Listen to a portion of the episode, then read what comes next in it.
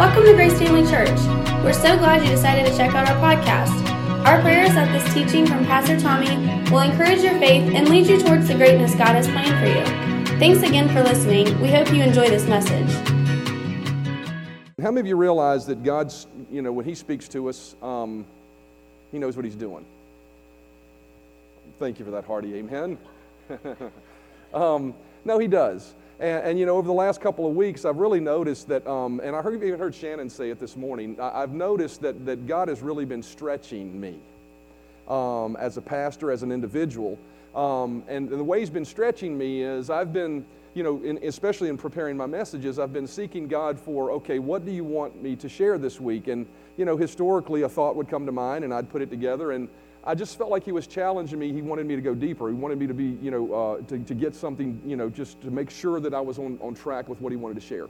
Um, and, and I heard Shannon say that too. You know, it seemed like she really had to press. And I, I believe it's because God is calling us to a deeper and higher place in Him. And that, that requires focus, that requires our attentiveness, that requires, you know, those type of things. And so, you know, um, I would say that, you know, uh, I've gotten another single message instead of a series to do with you, but as I think about how these have all come together, even all the way back to the higher series I was doing, these all sort of are aligning themselves. And so today, you know, I've got another single message. Proverbs chapter 25 and verse 11 says, The right word at the right time is like precious gold set in silver.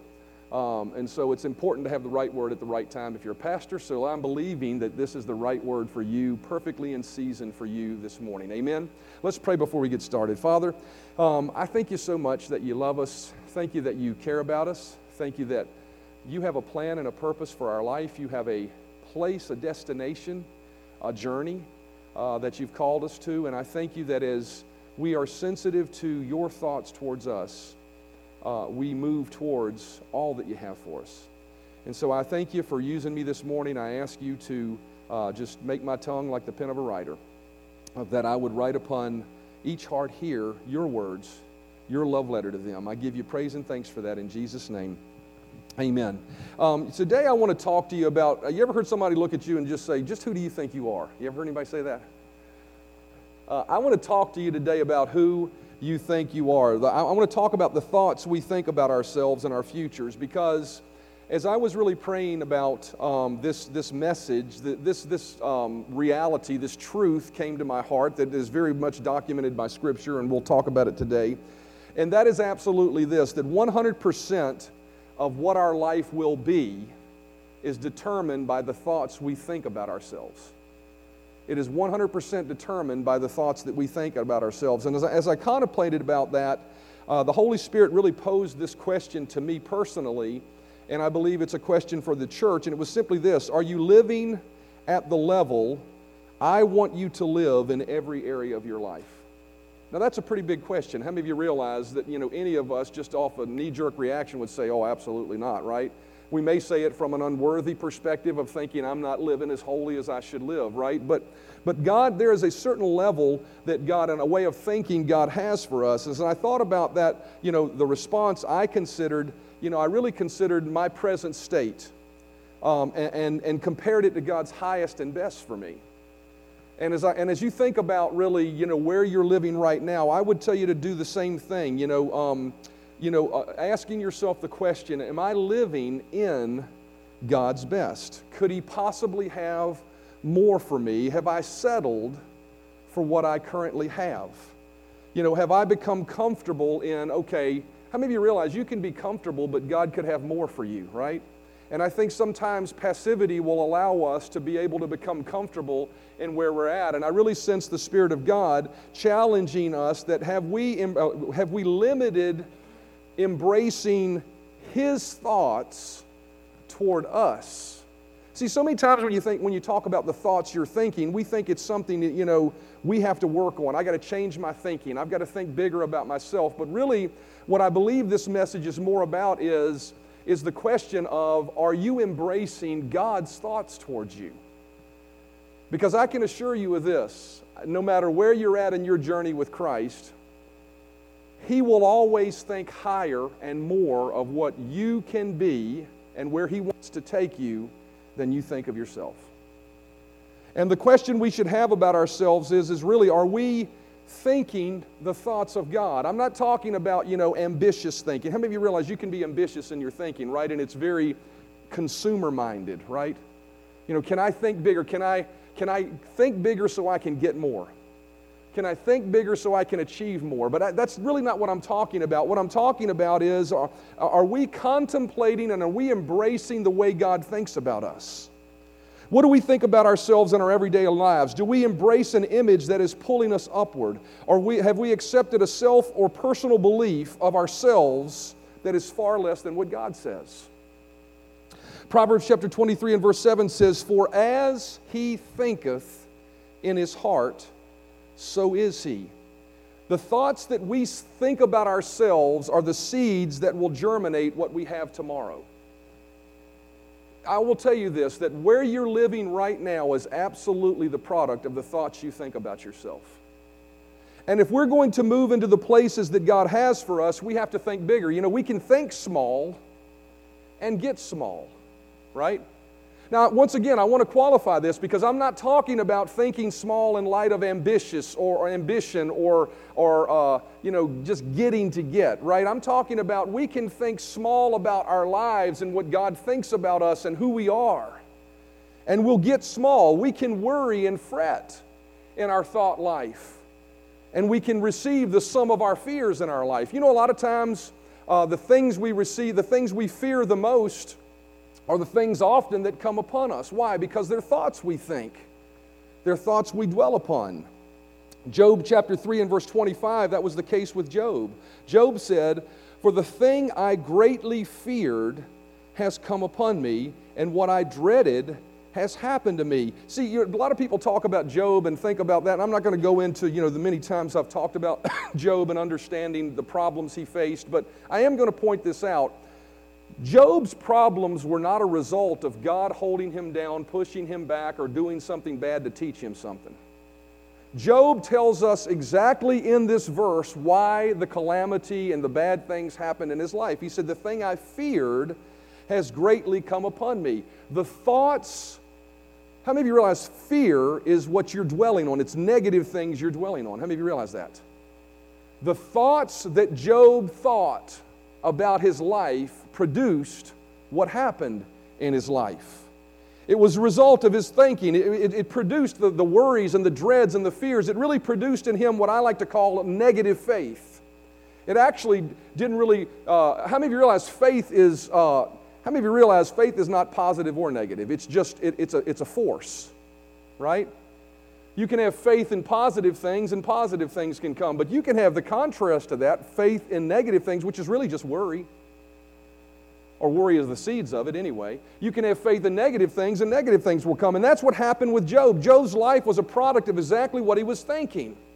And so, what that tells me, and what we see, and we're going to find out today, is that our attitude about our lives, our attitude about what God thinks about our lives, our perspective of how we see ourselves, just who we think we are, will determine the altitude to which our, lives will, our life will climb. You know, my, uh, my pastor is a pilot. He's actually got his pilot's license, and he, he, he preached a message once called Your Attitude Will Determine Your Altitude. In a plane, the, the, the direction a plane points is called the attitude of the plane, actually. If the attitude is down, it will take you down. If the attitude is up, it'll take you up your attitude will determine your altitude. So, in the same way, the Bible teaches us that our thoughts, are, in essence, our attitude about who we are, will determine how high we can fly. I'm convinced that most of us live below what God intended, not because God is withholding, because He's never withholding His blessings. I'm convinced it's because we're just not thinking big enough. We either aren't considering God in our thought life every day, we're just allowing thoughts to come in and go, and we're just consuming life, right? Or we embrace a limited idea of what God thinks towards us. But what God thinks towards us is limitless. Everybody say limitless. God's thoughts should expand our thinking beyond our wildest dreams. Everybody say wildest dreams. How many of you have some pretty wild dreams about what you hope for your life? Or for your children's lives or for your career or, or for just whatever. How many of you have some pretty wild thoughts at times? I want you to stop for a minute and consider the wildest, most desired thought you have for your life. Just close your eyes for a minute. Just do that.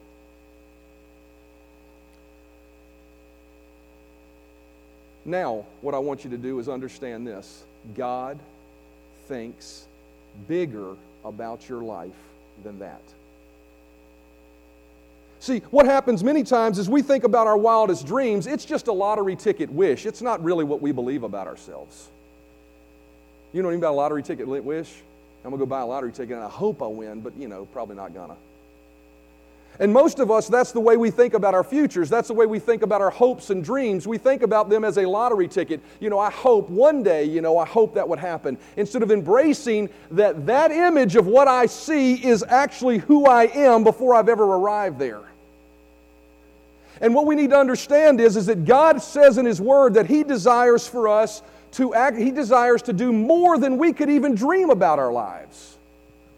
Ephesians chapter 3 and verse 20. I want to read to you a compilation of the New King James and the Amplified Classic. It says this It says, Now to him, speaking of God and Jesus, now to him is, who is able to do exceedingly abundantly above all that we ask or think. He's able to do far beyond what we ask or think.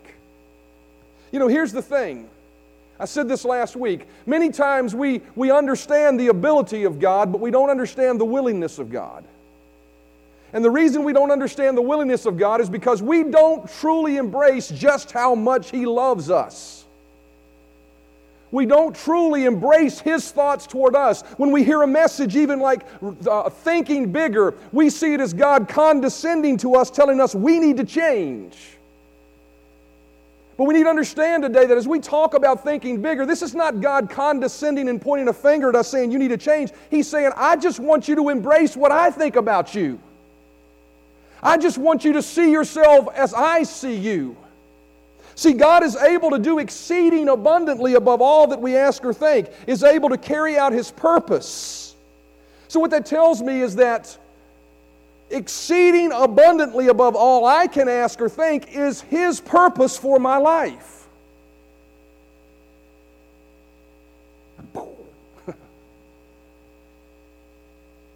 His purpose for my life is greater than the wildest dream I have for my life. Y'all getting this? Or is it soaking in, or you hope you're taking it in? Carrying out his purpose, and to do is super abundantly, far over and above all that we dare ask or think, infinitely beyond our highest prayers, desires, thoughts, hopes, or dreams. Notice this according to the power that works in us. God's thoughts toward us are so much greater than we have ever imagined.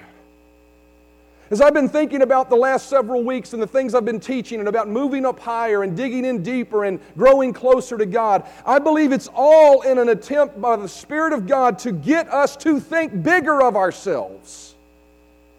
So I was worshiping this morning. I almost had an epiphany moment where I recognized, God, you've been weaving us and bringing us to this, po- this point this morning so that our eyes can be open to see truly the expectation and purpose, not the wish but the purpose God has for your life. Infinitely beyond our own. Isaiah chapter 55 and verse 3 says, Incline your ear and come to me. Hear, and your soul shall live. Verse 8, you can read the rest of the, the filler there that goes in with that. But go down to verse 8, it says, Why does he want us to do that? For my thoughts are not your thoughts, nor are my ways, or, or your ways my ways, says the Lord. For as, as the heavens are higher than the earth, so are my ways higher than your ways, and my thoughts than your thoughts. Notice he says, I want you to come to me, not so you change yourself. I want you to come to me because my thoughts are far greater than yours. We limit the purpose and plan and ability of God many times because we have yet to embrace truly what He's thinking about us. As I said before, this is not a comment of condescension, these verses, but it's rather a call to think bigger. We need to take the ceiling off of our thinking and dare to dream wildly, wildly about what God thinks about us. So I think about that, that concept I want everyone to understand I'm not just talking, I'm really not just talking about, you know, naturally or financially or career wise thinking bigger, because that's right where our mind first goes. And certainly, I, will tell you, Scripture's full of God wanting to bless us and prosper us and advance us and, and, and, and all those things and help. And he, he desires to give us all that our heart desires houses and blessings and things that would make our life more comfortable. God desires all that for us. And I'm not minimizing that. I'm very careful not to minimize that because as soon as I go where I'm about to go, many people think that means it nullifies those things. It doesn't nullify those things, but what I'm saying is, I believe God is challenging us that He wants to take us places spiritually far beyond we've ever, uh, what we've ever even dreamed of or imagined. Here's a couple of questions. Is the idea of your life being defined by the impact you have in touching others for Christ something you embrace? Is the image of your life, now listen to me, being defined by how, how you touch people for Christ. See, some people are defined by their career, some people are defined by what they do every day. My question for you is, is have you defined in your own mind the thoughts of yourself as that individual, or have you embraced the spiritual idea that God has me here for a purpose to touch people in a spiritual way? I, all the other stuff is just stuff. Are we embracing His thoughts? Are we allowing God to expand the image of the impact our lives or this church can have? Are we embracing that? Is the vision we once spoke of in this church of a church that had 5,000 people scattering across the campus, is that truly, if it's seated within the right motive and the right heart, something we should be embracing? See, some people would say that's ambitious, but if our heart is in the place that says, Jesus, we just love you and want to be used by you, give me your thoughts, I believe that God's thoughts are bigger than our thoughts. I believe He'll challenge us to say every, I believe He'll challenge us to say that fix that building. I want to do even more than that. I want to blow this place up so much because you guys love Jesus so much and are willing to touch others so much that we got to sell this property and move to something bigger. Are we embracing God thoughts? Is the idea, you ready, worship team? Is the idea of our worship team impacting people on an international level something that we've even embraced? We got our little Friday night upper room. Is that just, you know, oh, this is so great because it's just us and just a few people and it's so intimate and so great? I got to tell you something. What God is doing there is the seeds. It's the seeds of God wanting to do something beyond our wildest dreams to impact the world. Or maybe you can't think that big. How about just the county? How about just the county? Wouldn't that be amazing? If God grew that to the place on a Friday night where 5,000 people showed up every week and just freely worshiped God in an open forum, and He showed up and ministered to people? See, are we thinking bigger? Not ambitiously. Listen to me. I have been guilty of this in my life as a pastor. As a young pastor, I was very ambitious. I wanted to be the next uh, uh, great megachurch. I could care less about being a megachurch, but I will tell you, when hearts are in the right place, I do care about Jesus pouring out His goodness upon as many people as He can through us. I believe God is challenging us to think bigger. See, it says there, now unto Him who is able to do exceeding abundantly, uh, in Ephesians chapter 3 and verse 20. Now unto him who is, who is able to do exceeding abundantly above all that we ask or think, notice this, according to the power that works in us. See, part of the reason we haven't risen to the levels that God desires for us is because our thoughts are too small. One of the powers that work in us is the power of our thoughts. And I'm not talking about positive thinking. I'm not talking about some metaphysical, ooey, stupid stuff, right? I'm talking about just embracing what does God say about us? Part of the power that works in us is our thought life. Greatness always begins with a thought. And I'm not talking about greatness in the eyes of men. I keep qualifying this, but I want everyone to understand this. And the reason I keep qualifying is because I want to be very careful about anybody misperceiving the intent of this message. I believe God wants to take us to places where money flows in abundance. I believe God wants to take us to a place where health and healing are just a, a staple in our church. I believe that. But I want people to understand when I talk about greatness, I'm talking about what God calls greatness. And it's so much more than a dollar, it's so much more than a healing. It's, it's a place where God's presence is so overwhelming that the world comes clamoring to it. I believe God is challenging us to think bigger. Every great thing began with a thought. Every great painting that was painted started with an image in the mind. Every great feat, every mountain that was climbed started with someone thinking, I'm going to do it. Every invention, every medical breakthrough, every individual that rose above their socioeconomic status started with a thought of, I am not this, I am that. Running water indoors began with a thought. Aren't you glad for that one? Electricity in our homes began with a thought.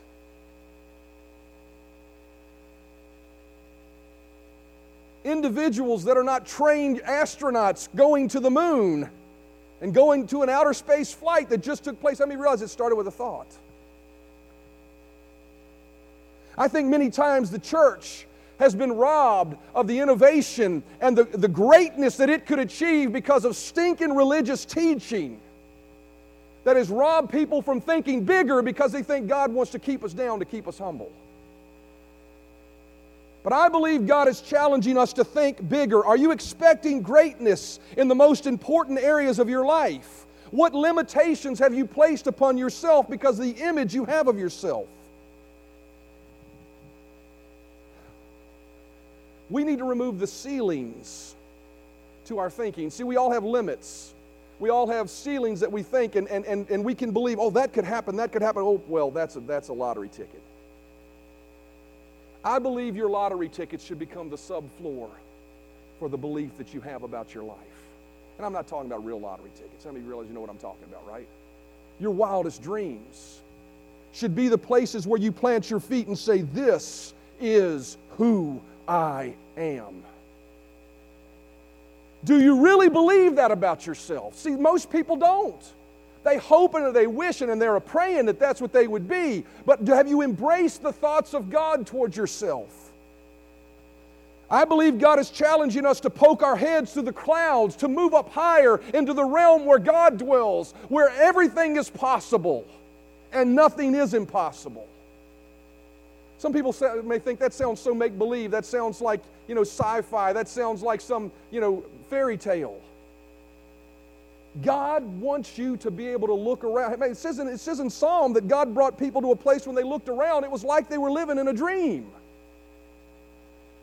See, that is the thoughts that God has towards us. And yet, life and delay and disappointment oftentimes will rob us of thinking. I think it's so interesting. You know, you ask a child early on what they want to be, what they want to do, how they want to achieve things for God.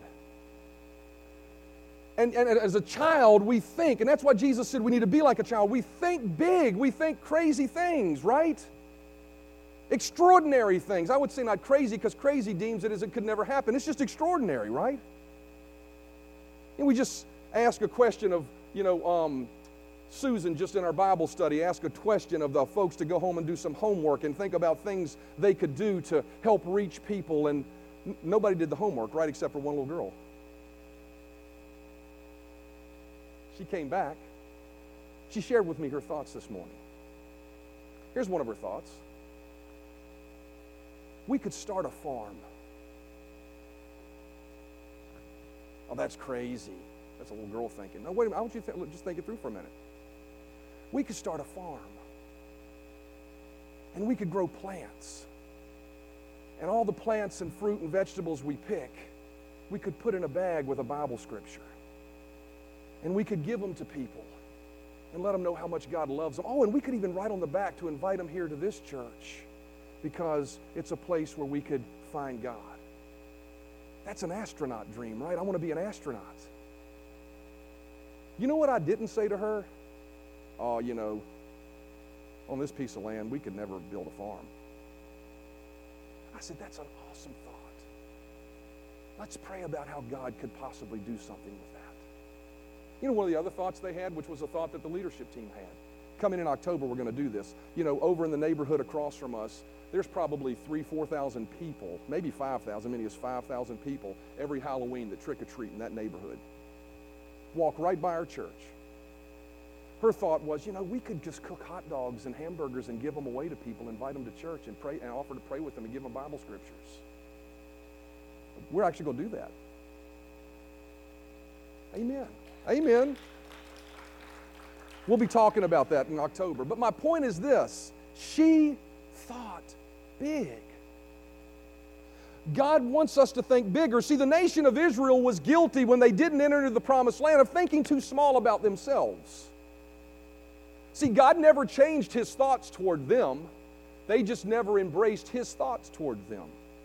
Numbers chapter 13, verse 25, before they went into the promised land, they went out and spied out the land. And it says here in verse 25, at the end of 40 days, they returned from exploring the land. And they came back to Moses and Aaron and the whole Israelite community at Kadesh in the land of, in, in the desert of Paran. There they reported to them and to the whole assembly and showed them the fruit of the land. They gave Moses this account We went into the land to which you sent us, and it does flow with milk and honey here is the fruit. So they saw all the good things, right? But, everybody say but. Never put a but behind your thoughts. Just get your butt out of the way. but the people who live there are powerful. How many of you say fact? Everybody say fact? How many realize that was true? And the cities are fortified. How many realize Jericho had walls around it? Everybody say true, fact and very large. So those are the facts. How many of you realize when you stare at the facts in light of your big idea or, your, or God's big thought towards you, the fact is a mountain that stands in the way sometimes?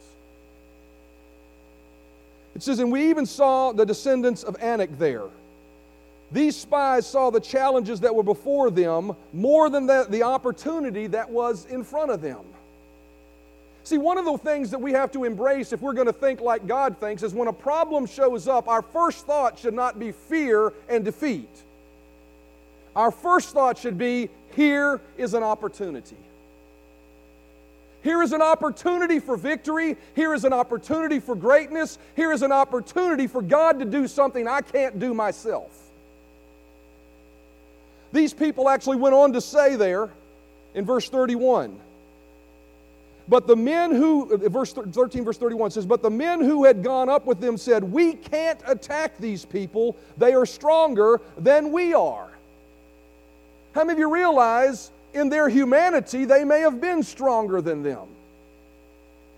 But do we, you realize who you have on your side this morning? Do you realize the God of the universe is on your side this morning? That statement is a lie. God was challenging the nation of Israel to think bigger about their future, and these few men began to try to pull people back down.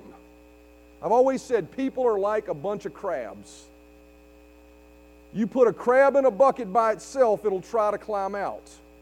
You put two in a bucket, the one that's trying to climb out, the other one will pull it back down. When people begin to see you thinking bigger, religion and people will try to tell you you're, you're just being arrogant, you're just being prideful, you're just thinking too much of yourself. I'm telling you, I'm not challenging you to think so much of yourself. I'm, trying to, I'm, I'm challenging you to think much of who you are in God. Verse 32 says, And they spread among the Israelites a bad report about the land they explored. They said, The land we explored devours those living in it. Well, that's a lie because there were people living in it, right? They weren't devoured. People embellish and all of a sudden begin to think other things. All the people we saw there of great size. We saw the Nephilim there. The, uh, the descendants of Anak came from Nephilim. We seemed, notice this, we seemed like grasshoppers in our own eyes. Problem number one. Problem number one is they saw themselves as small. Here's problem number two. And we looked the same to them. How did they know what they were thinking? They didn't. As a matter of fact, as we read further in the account of the children of Israel possessing the land, actually the people were afraid of them. But the reason that they spent 40 years in the wilderness was not because the people there thought that they, they, they were better. It was because they embraced a poor image of themselves and they embraced a, poor, they embraced a mindset of what they thought others thought of them. The lack of personal greatness, here we go. The lack of personal greatness in your life will always be the result of one of two things looking at your future in the light of your humanity, or looking at your future based on what you think others think of you. I've always told my, my, my, my, children this, you know, because when you have any element of success in your life, like I said, people are crabs. They're going to try to pull you down. They're going to criticize you, everything else. And I've always told them, you'll never rise to the level of influence God wants you to rise to if you can't live above the criticism that people will have of you. You cannot live your life worried about what others think. Certainly live your life walking in love towards others and forgiveness towards others. But you cannot make decisions based on in your life based on what, what, is, what does everybody else going to think about this? And I'm not talking about your testimony. I'm not talking about, certainly you need to consider, will people view this and am I avoiding the appearance of evil? Absolutely, I mean that. But I mean, you know, you can't base a decision on whether somebody's going to like it or not. You've got to base it on who God says you are. Looking at your future in the light of your humanity, we have to stop doing that. God challenged Paul to do this. 2 Corinthians chapter 12 and verse 7. Paul was moving along in his life and influencing people for the gospel, and there were a group of people that came after him and constantly uh, ridiculed and, and tried to withhold him and withstand him. In certain places, he was stoned, he was beaten. In 2 Corinthians chapter 12 and verse 7, Paul speaks to this. He says, Unless I should be exalted above measure by the abundance of the revelations, that's real wordy, but what he's saying is, unless the message I've been given should be elevated to a place that people, you know, it's beginning to have impact, a thorn in the flesh was given to me. Now, who gave it to him? A messenger of Satan to buffet me, lest I be exalted above measure. Satan sent people to hold Paul back. See, God thinks big thoughts towards what He wants you to do with your life, but there are going to be people that attempt to hold you back, whether they realize it or not. Satan didn't want Paul's message to be exalted, so he didn't want Paul to think bigger. He didn't want he wanted to begin to throw obstacles in Paul's way to make him think, well, maybe I can't have the impact I believe God wants me to have. And in light of the limitations and in light of the challenges he faced, he saw human limitation. How many of you realize human limitation is our ability, right? That's why I said earlier God didn't ask us to raise this money, He asked us to believe for it. See, you've been called, I will say this by the Spirit of God, you've been called to a different way of living. You've been called to live by faith. The just shall live by faith. And yet, most Christians don't. Most Christians live by working hard. Not saying you shouldn't work hard, you should absolutely work hard. But your expectation in life should not be upon your ability to pull it off. Your expectation in life should be based upon God's ability to pull it off. See, Paul, he faced those people holding him back, and he was saying, physically, and, and, and I don't see how I can do this anymore. God, get these people out of the way. 2 Corinthians chapter 12, verse 8, we see this. It says, Concerning this thing, I pleaded with the Lord three times that it might depart from me. And he said to me, My grace is sufficient for you, for my strength is made perfect in weakness. Paul sought God to help him with his problem, but he was wanting God to fix his problem. But God was saying, Paul, I want you to change the perspective you have of yourself. See, Paul saw himself as limited and needed God's help. And in ourselves, in our humanity, we certainly are limited and need God's help. But the thing that's interesting is God didn't come rushing in and say, okay, Paul, let me fix it for you. What he said was, Paul, I want you to understand something that you have in your possession that you're not considering. He said, My grace is sufficient for you. He said, I want you to understand that you've already, as a child of God, received grace. Grace is so much more than God just saving us. Grace is a power, it's a force, it's a blessing that is upon our lives as believers that changed us and made us into not mere humans, but made us into new creations in Christ, made us sons and daughters of God. That grace lives on the inside of us. And what Paul was saying, what God was saying to Paul was, Paul, stop complaining about what you can't do and start recognizing that I'm in you and you can do. My grace is sufficient for you. God was saying, Paul, stop asking me to fix your problems because the grace is already in you to achieve greatness. He was saying, Paul, I want you to see yourself. I want you to embrace my thoughts toward you. I want you to think about the transaction that Paul had with God there. I'm sure uh, possibly he was kneeling, he was tired, he was wore out, and he was the transaction was God, you have and I don't. And I mean, you don't realize that's okay to come to God in that state. It's okay. But God's response back wasn't, yeah, you don't, and I do. God's response back was, Paul, I want to change the trend. You need to stop seeing yourself as the one beat down here. I want you to rise up on the inside of you. I want you to see yourself as bigger. I want you to think bigger thoughts. He was saying, I want you to see that you're a blood bought child of God, and no weapon that is formed against you can prosper. You see, God was telling him to magnify the God in him, the grace in him. And I can tell you this whenever God tells you to magnify grace, it's not, to, it's not because He wants you to accept your situation, it's because He wants you to flatten, He wants to flatten out your situation. We see it in Zechariah chapter 4 and verse 6. It says, This is the word of the Lord. Not by might nor power, but by my spirit, says the Lord. Who are you, O great mountain, before Zerubbabel? You shall become a plain, and he shall bring forth the capstone with shouts of, notice this, grace, grace to it. When God starts telling you to magnify that His grace is sufficient, He's not telling you to accept your problem because He'll just help you suffer along till Jesus comes back. He's telling you to speak grace, to magnify grace. Why? Because that mountain He wants to flatten out. See, we need to stop looking at our lives. At the first point there, the, the, nation of Israel, they were looking at their future based upon their own limitations. They're bigger than us, and we can't do it. but He and grace that's been given to us is not bigger than you are. My question for you is when you look at your future, are you looking at who you can be based upon your human limitations, based upon your mistakes, based upon the knowledge you don't have, based upon you not being smart enough, based upon you not having the know how to do it? Listen to me, it does not matter. We certainly should apply ourselves and gain knowledge and do all of those things. But at the end of the day, God wants us living by His grace, not by our power.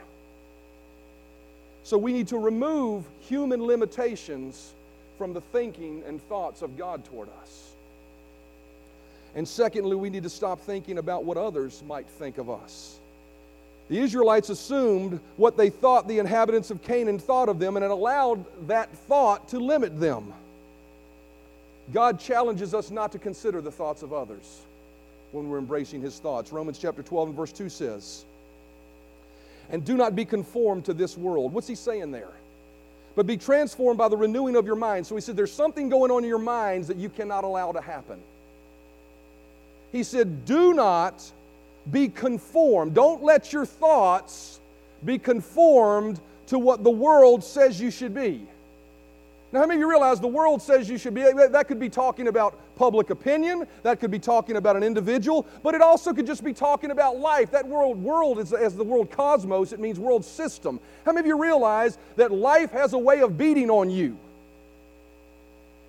Life has a way of throwing disappointment in your way and obstacles in your way at times, right? And when those things come into your life, he says, don't let that conform your thinking. Transform your thinking by the renewing of your minds. We are told to not conform to the thoughts of others or this world system, but instead, we are called to embrace God's thoughts towards us.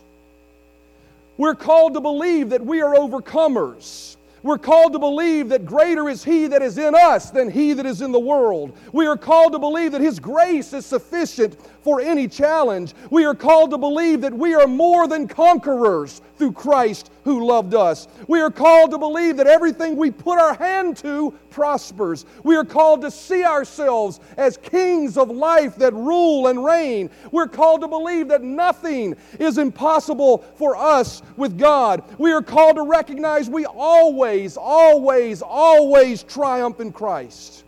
We're called to believe that we tread on serpents and scorpions and all the power of the enemy. We're called to believe that no weapon formed against us will prosper. We're called to believe that no voice raised against us will stand. We're called to believe that the anointing in us destroys the yoke of bondage. We're called to believe that we bind the bad and loose God's goodness. We're called to believe that we're above and not beneath. We're the head and not the tail. We're called to believe that we can't be stopped because we're the cream of the crop and we rise to the top. We believe, we're called to believe we speak to mountains and watch them move. We're called to believe we look at defeat and watch it lose. We're called to believe in challenges, we see opportunities. We're in chal- called to believe that in setbacks, we see comebacks. We're called to believe that in falling down, we get up. We're called to believe that when pressure shows up, we don't falter, we push back. We're called to believe that when the battle comes, we run to it. We're called to believe we're liberated and free from the power of sin.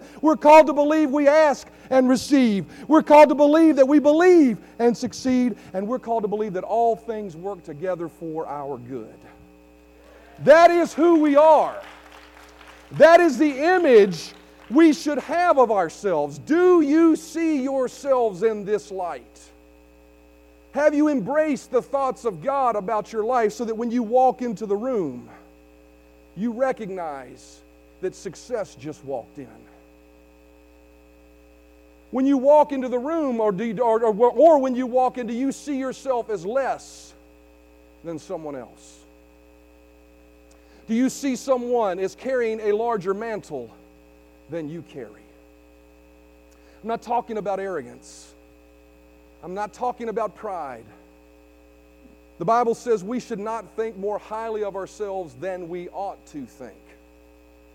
That tells me that we ought to think highly of ourselves, just not more highly than we ought to.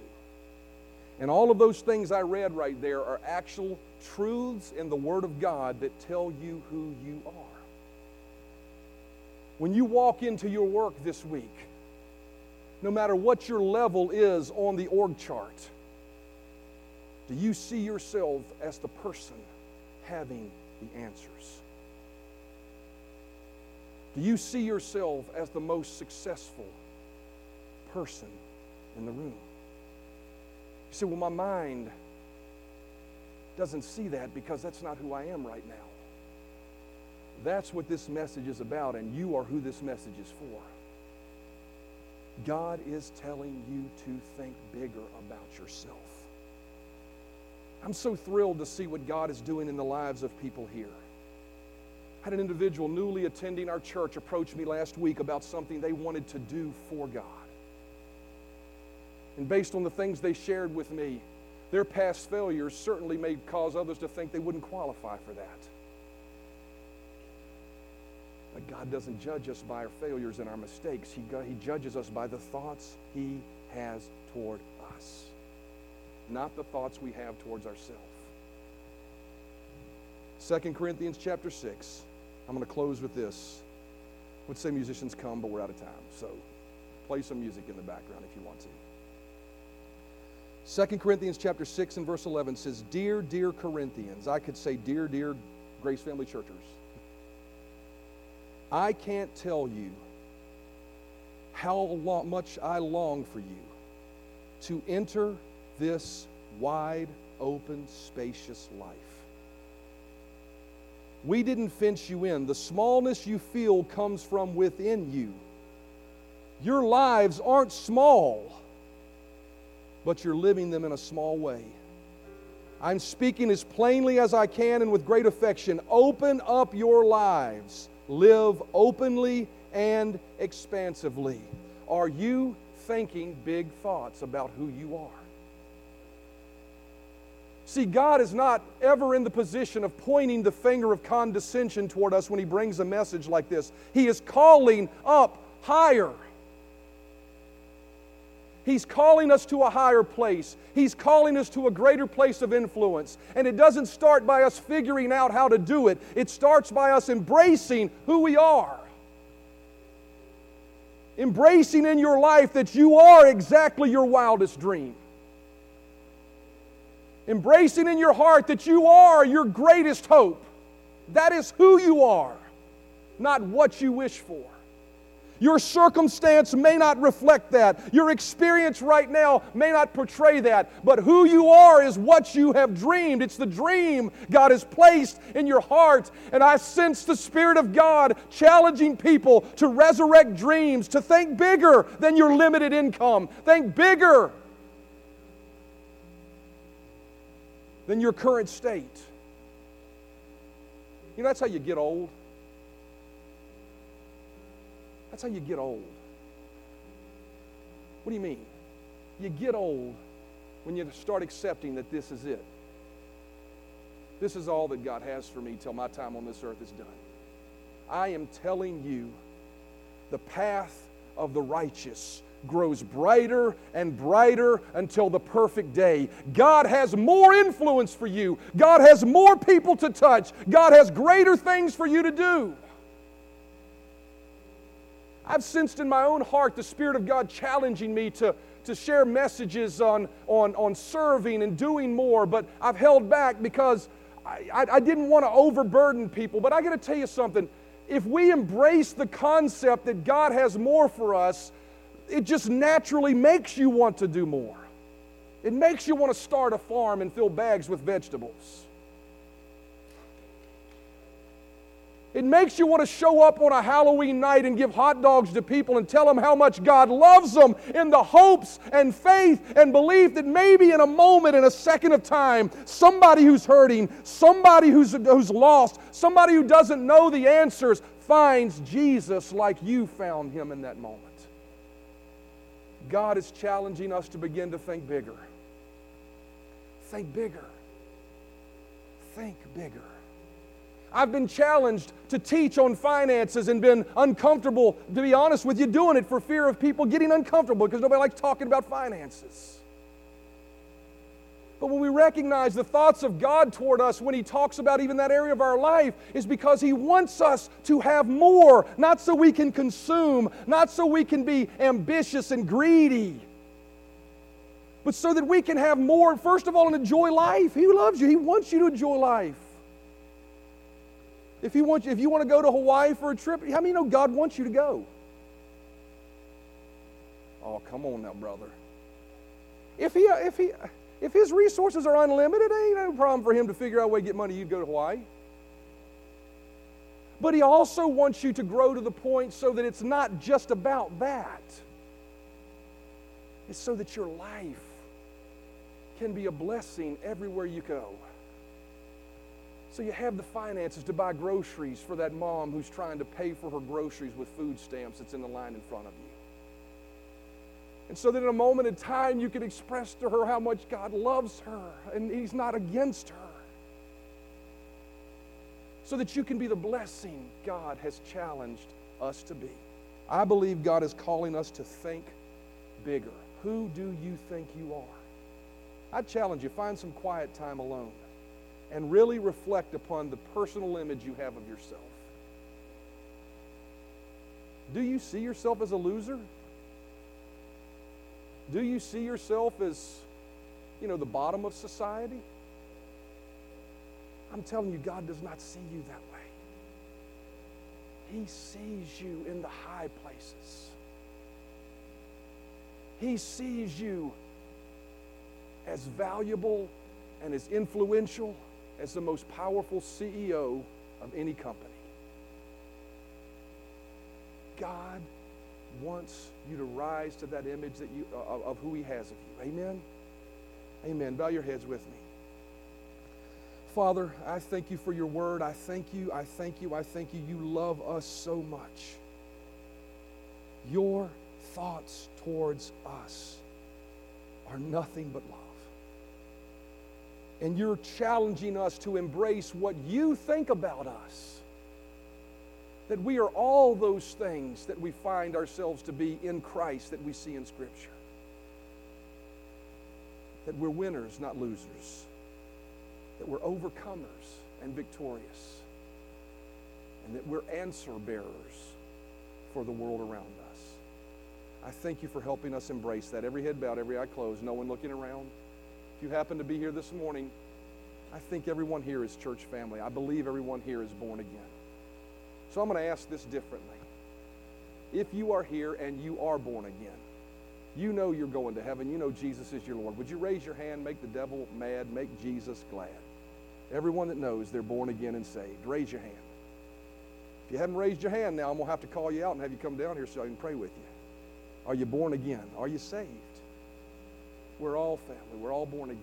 If you're not, put your hands down. If you could not raise your hand in that moment, but you want to be, I'm not going to single you out. I'm not going to point you out. I'm just going to ask you real quietly, every head bowed, every eye closed, no one looking around. If you didn't raise your hand to that, but you want to, would you raise your hand and say, Yes, that's me. I want to accept Jesus. I want to know when I leave here I'm born again. Anyone at all? Okay. Amen. Well, stand to your feet with me. Look at your neighbor and say, I'm a winner, not a loser. You are an overcomer. Go be that this week. Walk into rooms with your shoulders held high. Walk into rooms expecting God to do what you can't do. Amen. Thanks for listening to our Grace Family Church podcast. We hope you enjoyed this message. If this ministry has blessed you in any way, we would love for you to get connected. Just go to gfcva.info for more information about who we are, how to give to this ministry, or how you can get involved. Thanks again for listening, and we hope to see you soon.